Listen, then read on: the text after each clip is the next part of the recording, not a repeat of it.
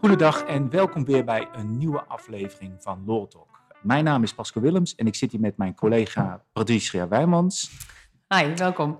En dit is uh, deel 2 van de beantwoording van de vragen naar aanleiding van ons uh, event op 6 oktober uh, jongsleden. Vorige week hebben we de eerste podcast gemaakt waarbij ik samen met Anne-Marie een aantal vragen heb behandeld. En vandaag, Patricia, gaan we een aantal vragen beantwoorden die binnen zijn gekomen terwijl jij en Marieke jullie uh, deel van het verhaal aan het vertellen waren. Klopt. En we hebben heel veel leuke verhalen, of heel veel leuke verhalen, heel veel leuke vragen binnengekregen. En laten we maar snel starten. Um, want jij hebt het een en ander verteld over het tekort aan verzekeringsartsen en uh, de plannen die daarmee zijn. En daar zijn een aantal vragen over binnengekomen. Ja. En de eerste vraag is, uh, nou, we hebben een vervroegde aanvraag voor een, uh, of we hebben een aanvraag voor een vervroegde via gedaan. En we krijgen een brief dat ze pas in 2023 dat gaan oppakken. Kunnen we hier iets mee? Ja, nou ja, allereerst dus denk ik wat, wat we gewoon in de praktijk vaker zien, hè, dat, uh, dat er enorme wachttijden zijn als het gaat om medische beoordelingen door de verzekeringsarts. daarvoor zijn ook een aantal maatregelen aangekondigd. Um, maar inderdaad, deze, deze partij heeft een aanvraag gedaan voor vervroegde IVA, zeggen zij. Ze zeggen een VIA, maar dat zal de vervroegde IVA dat zal een zijn. IVA zijn, ja. en zij krijgen eigenlijk nu al het bericht, ja, we gaan dit pas oppakken in 2023. Dat is natuurlijk uh, wel heel vaag en uh, ver in de toekomst toch nog. Ja, 2023 um, is vrij lang. Ja, dan kan, precies. Dan kan je inmiddels weer aan een normale via-aanvraag zitten. Dan zou het maar zo kunnen inderdaad dat je al überhaupt aan de einde wachttijd zit. Um, maar daar kun, daar kun je aan zich wel iets mee, want er staan natuurlijk gewoon termijnen voor in de wet, uh, waarin, waarbinnen het UWV op zo'n aanvraag moet beslissen. Is het UWV daar niet op tijd mee, dan kun je het UWV in gebreken stellen. Uh, dan stuur je een briefje. Er staan ook gewoon online uh, gewoon invulformuliertjes uh, zijn daarvoor te vinden. Die kun je invullen. Daar, kun je, daar staat dan in, beste UWV, je had op die en die datum een beslissing moeten nemen op deze, op deze aanvraag. dat heb je niet op tijd gedaan. Ik geef jou nu een redelijke termijn van twee weken om alsnog een beslissing te nemen. is het UWV dan niet op tijd neemt het UWV niet binnen die twee weken een beslissing. Dan verbeurt het UWV dwangsommen uh, van uh, x euro per dag.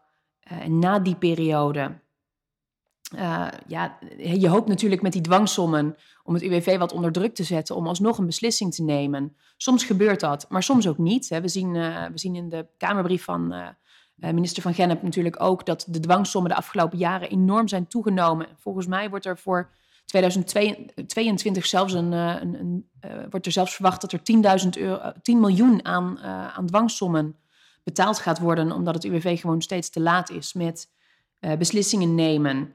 Dus de vraag is of je met zo'n dwangsom voldoende druk op het UWV kan zetten. Maar het is wel de eerste stap. Ja. Um, en mocht het UWV daarna nog steeds geen beslissing hebben genomen, dan zou je kunnen overwegen om naar de rechter te stappen, naar de bestuursrechter, wegens het niet tijdig beslissen. En de rechter die kan een hogere dwangsom koppelen aan, uh, um, ja, aan het niet nemen van een, uh, van een tijdige beslissing. Dus daarmee zou je nog meer druk kunnen zetten om, uh, om zo snel mogelijk toch zo'n aanvraag in behandeling te nemen. Ja, want kijk, die, die dwangsommen zijn natuurlijk beperkt. En juist bij een vervoegde IVA um, is de, de situatie best schrijnend.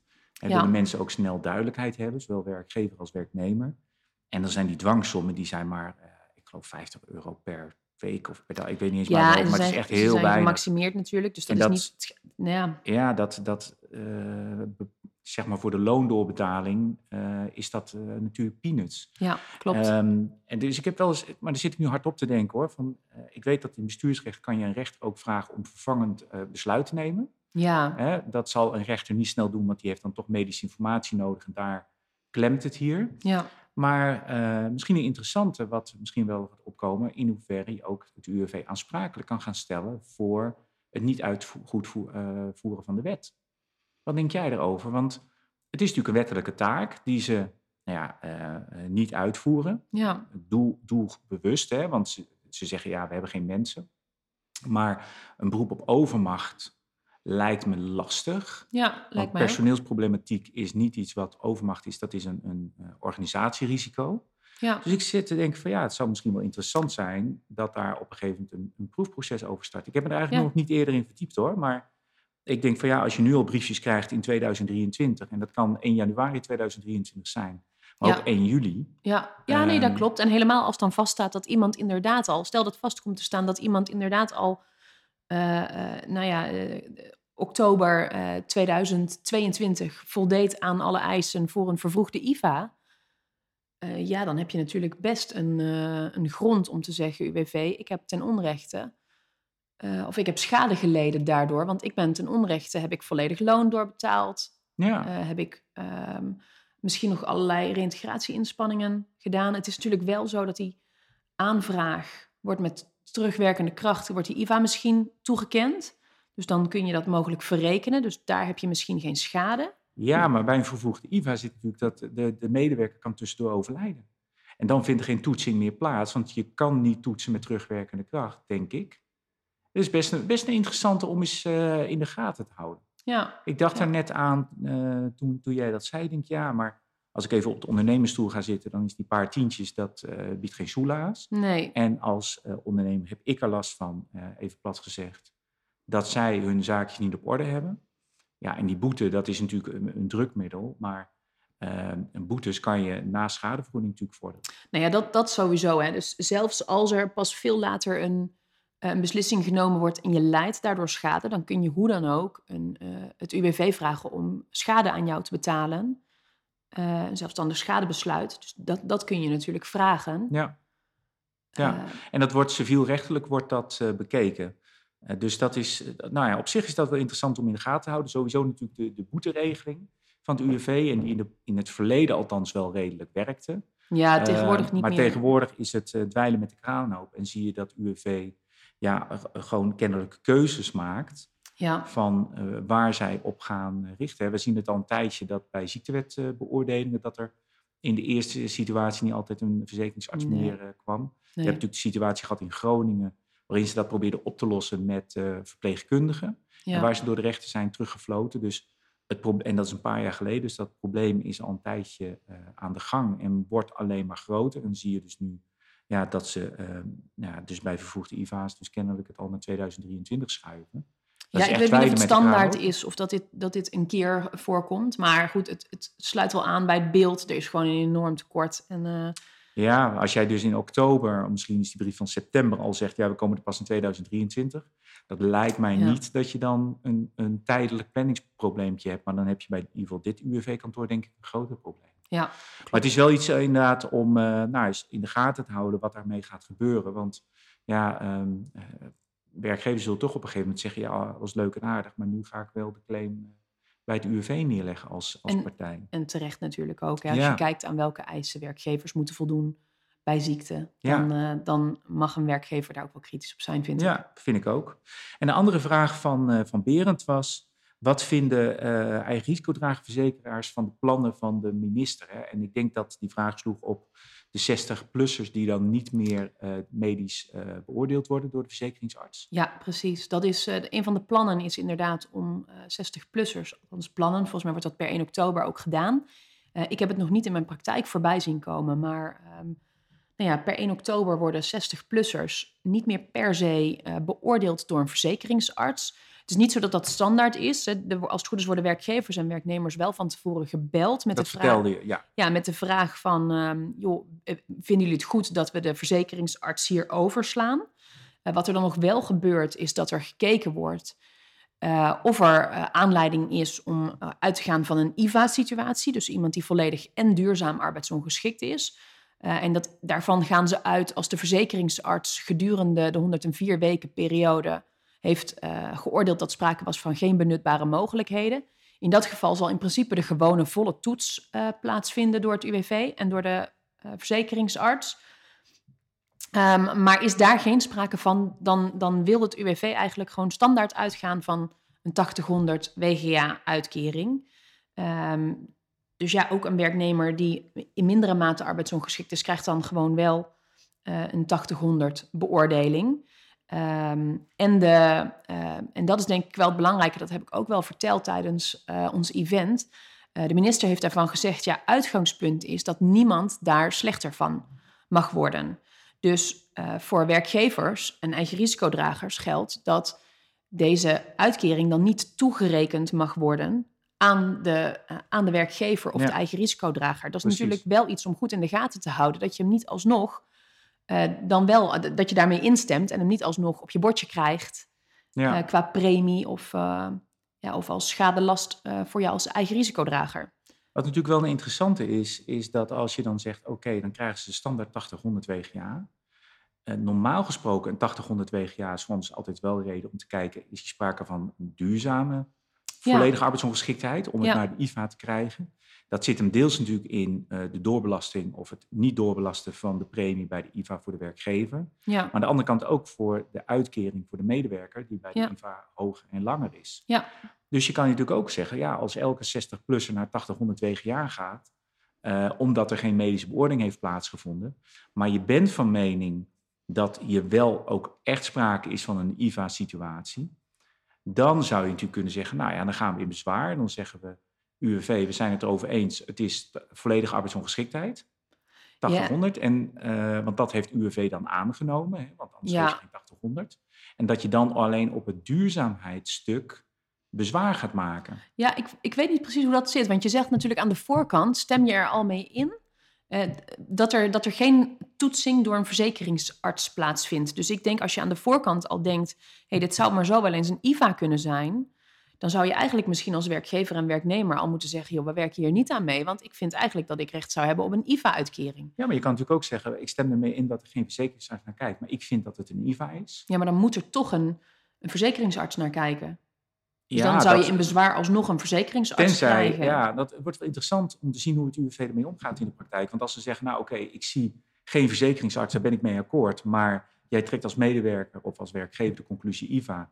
Oké, wij doen geen verzekeringsarts, maar wij maken er eh 8000 WGA van.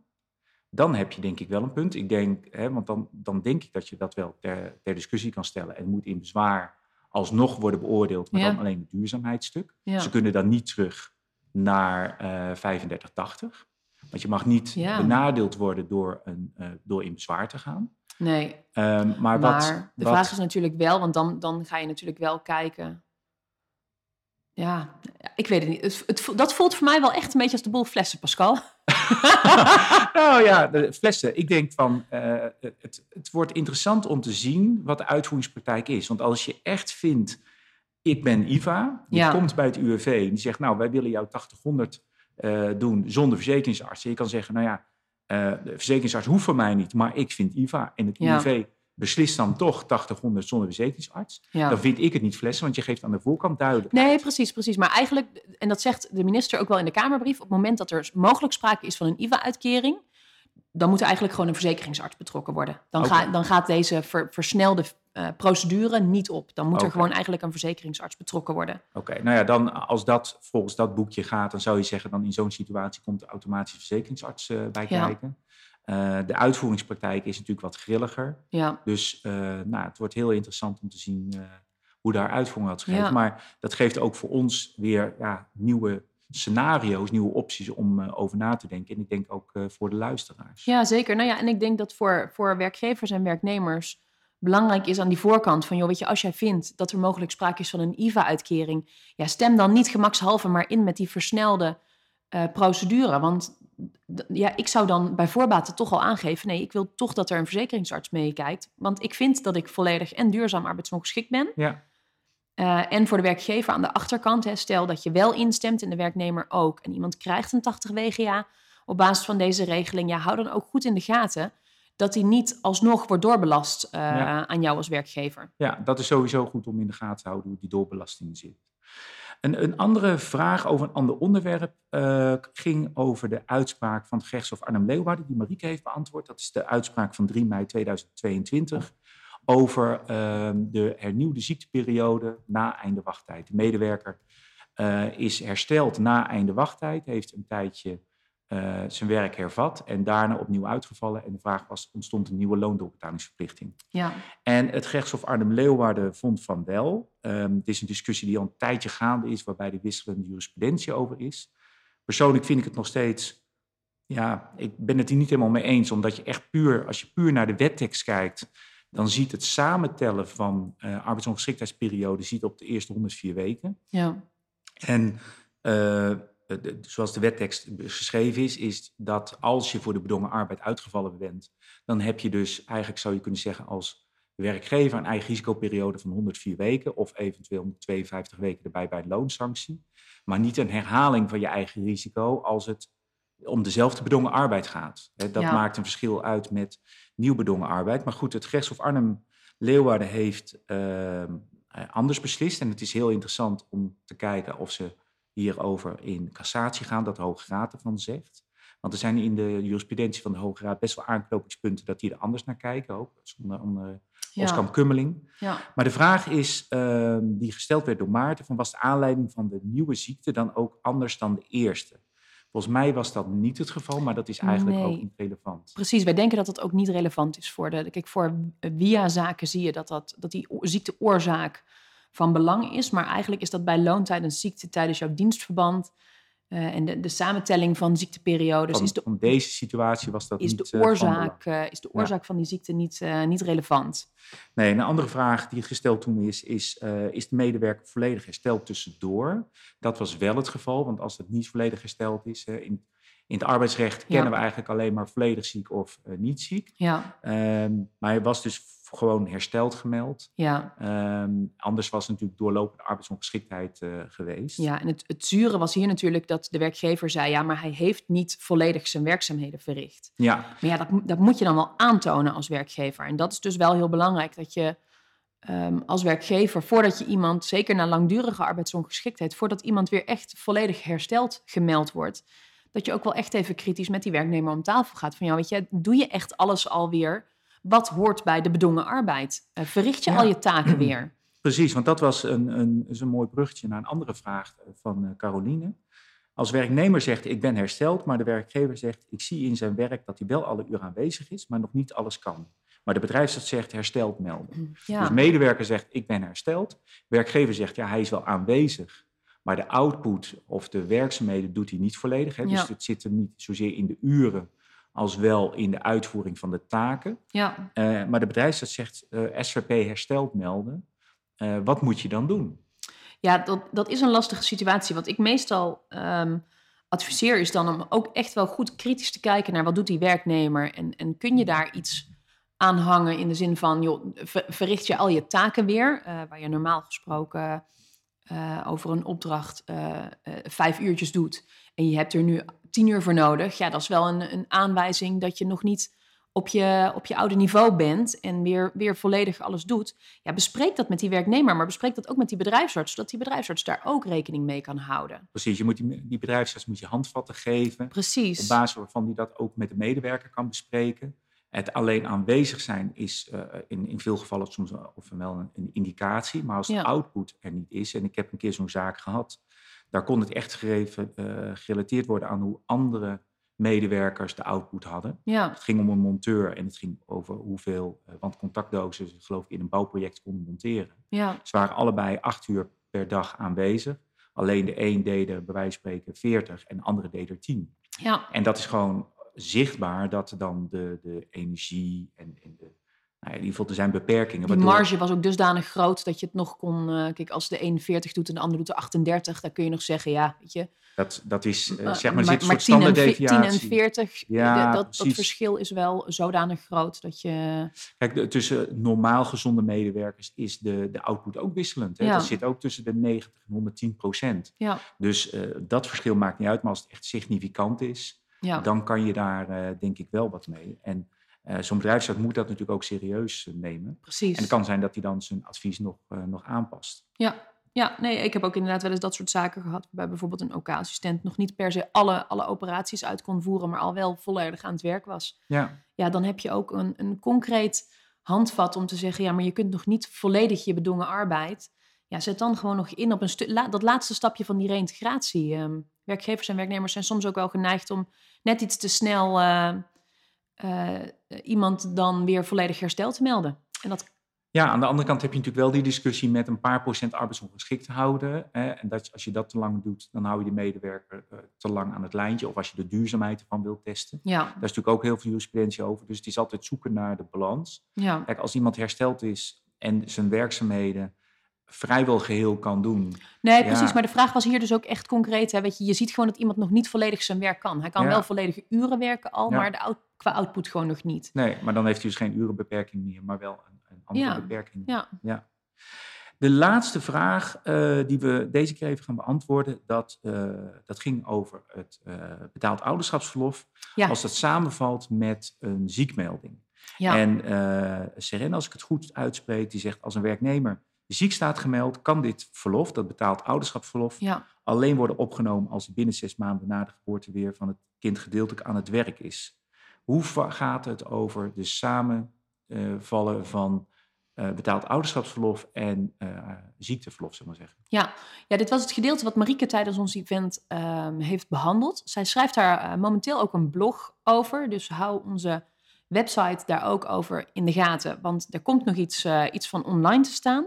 Maar ehm, in het kort staat er op de website van het UWV dat als een medewerker volledig arbeidsongeschikt is, dat iemand geen, eh, ouders, geen betaald ouderschapsverlof op kan nemen. Eh, en vervolgens staat er in de werkwijzer poortwachter.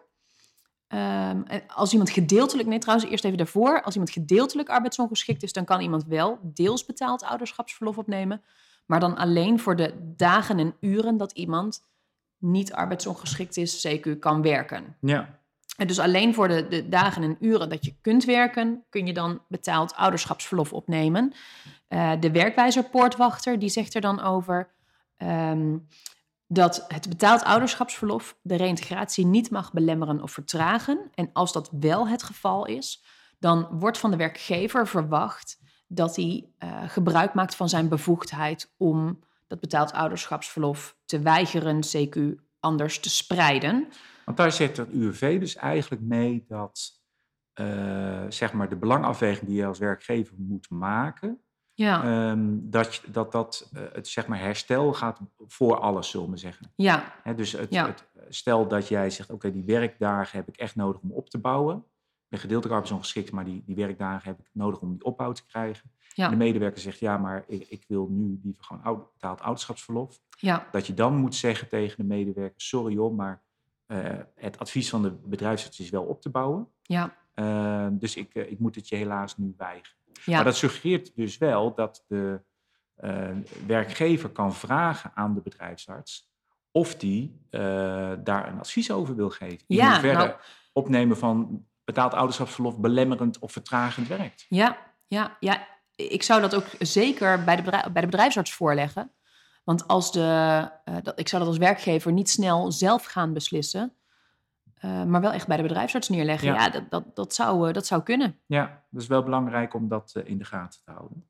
Nou, we hebben weer een aantal vragen beantwoord. Ik denk dat we voor de laatste vragen, dat we daar nog wel een derde podcast aan kunnen besteden. Ja, maar voor nu wil ik jullie allemaal weer hartelijk bedanken voor het luisteren en graag tot de volgende keer. tot de volgende keer.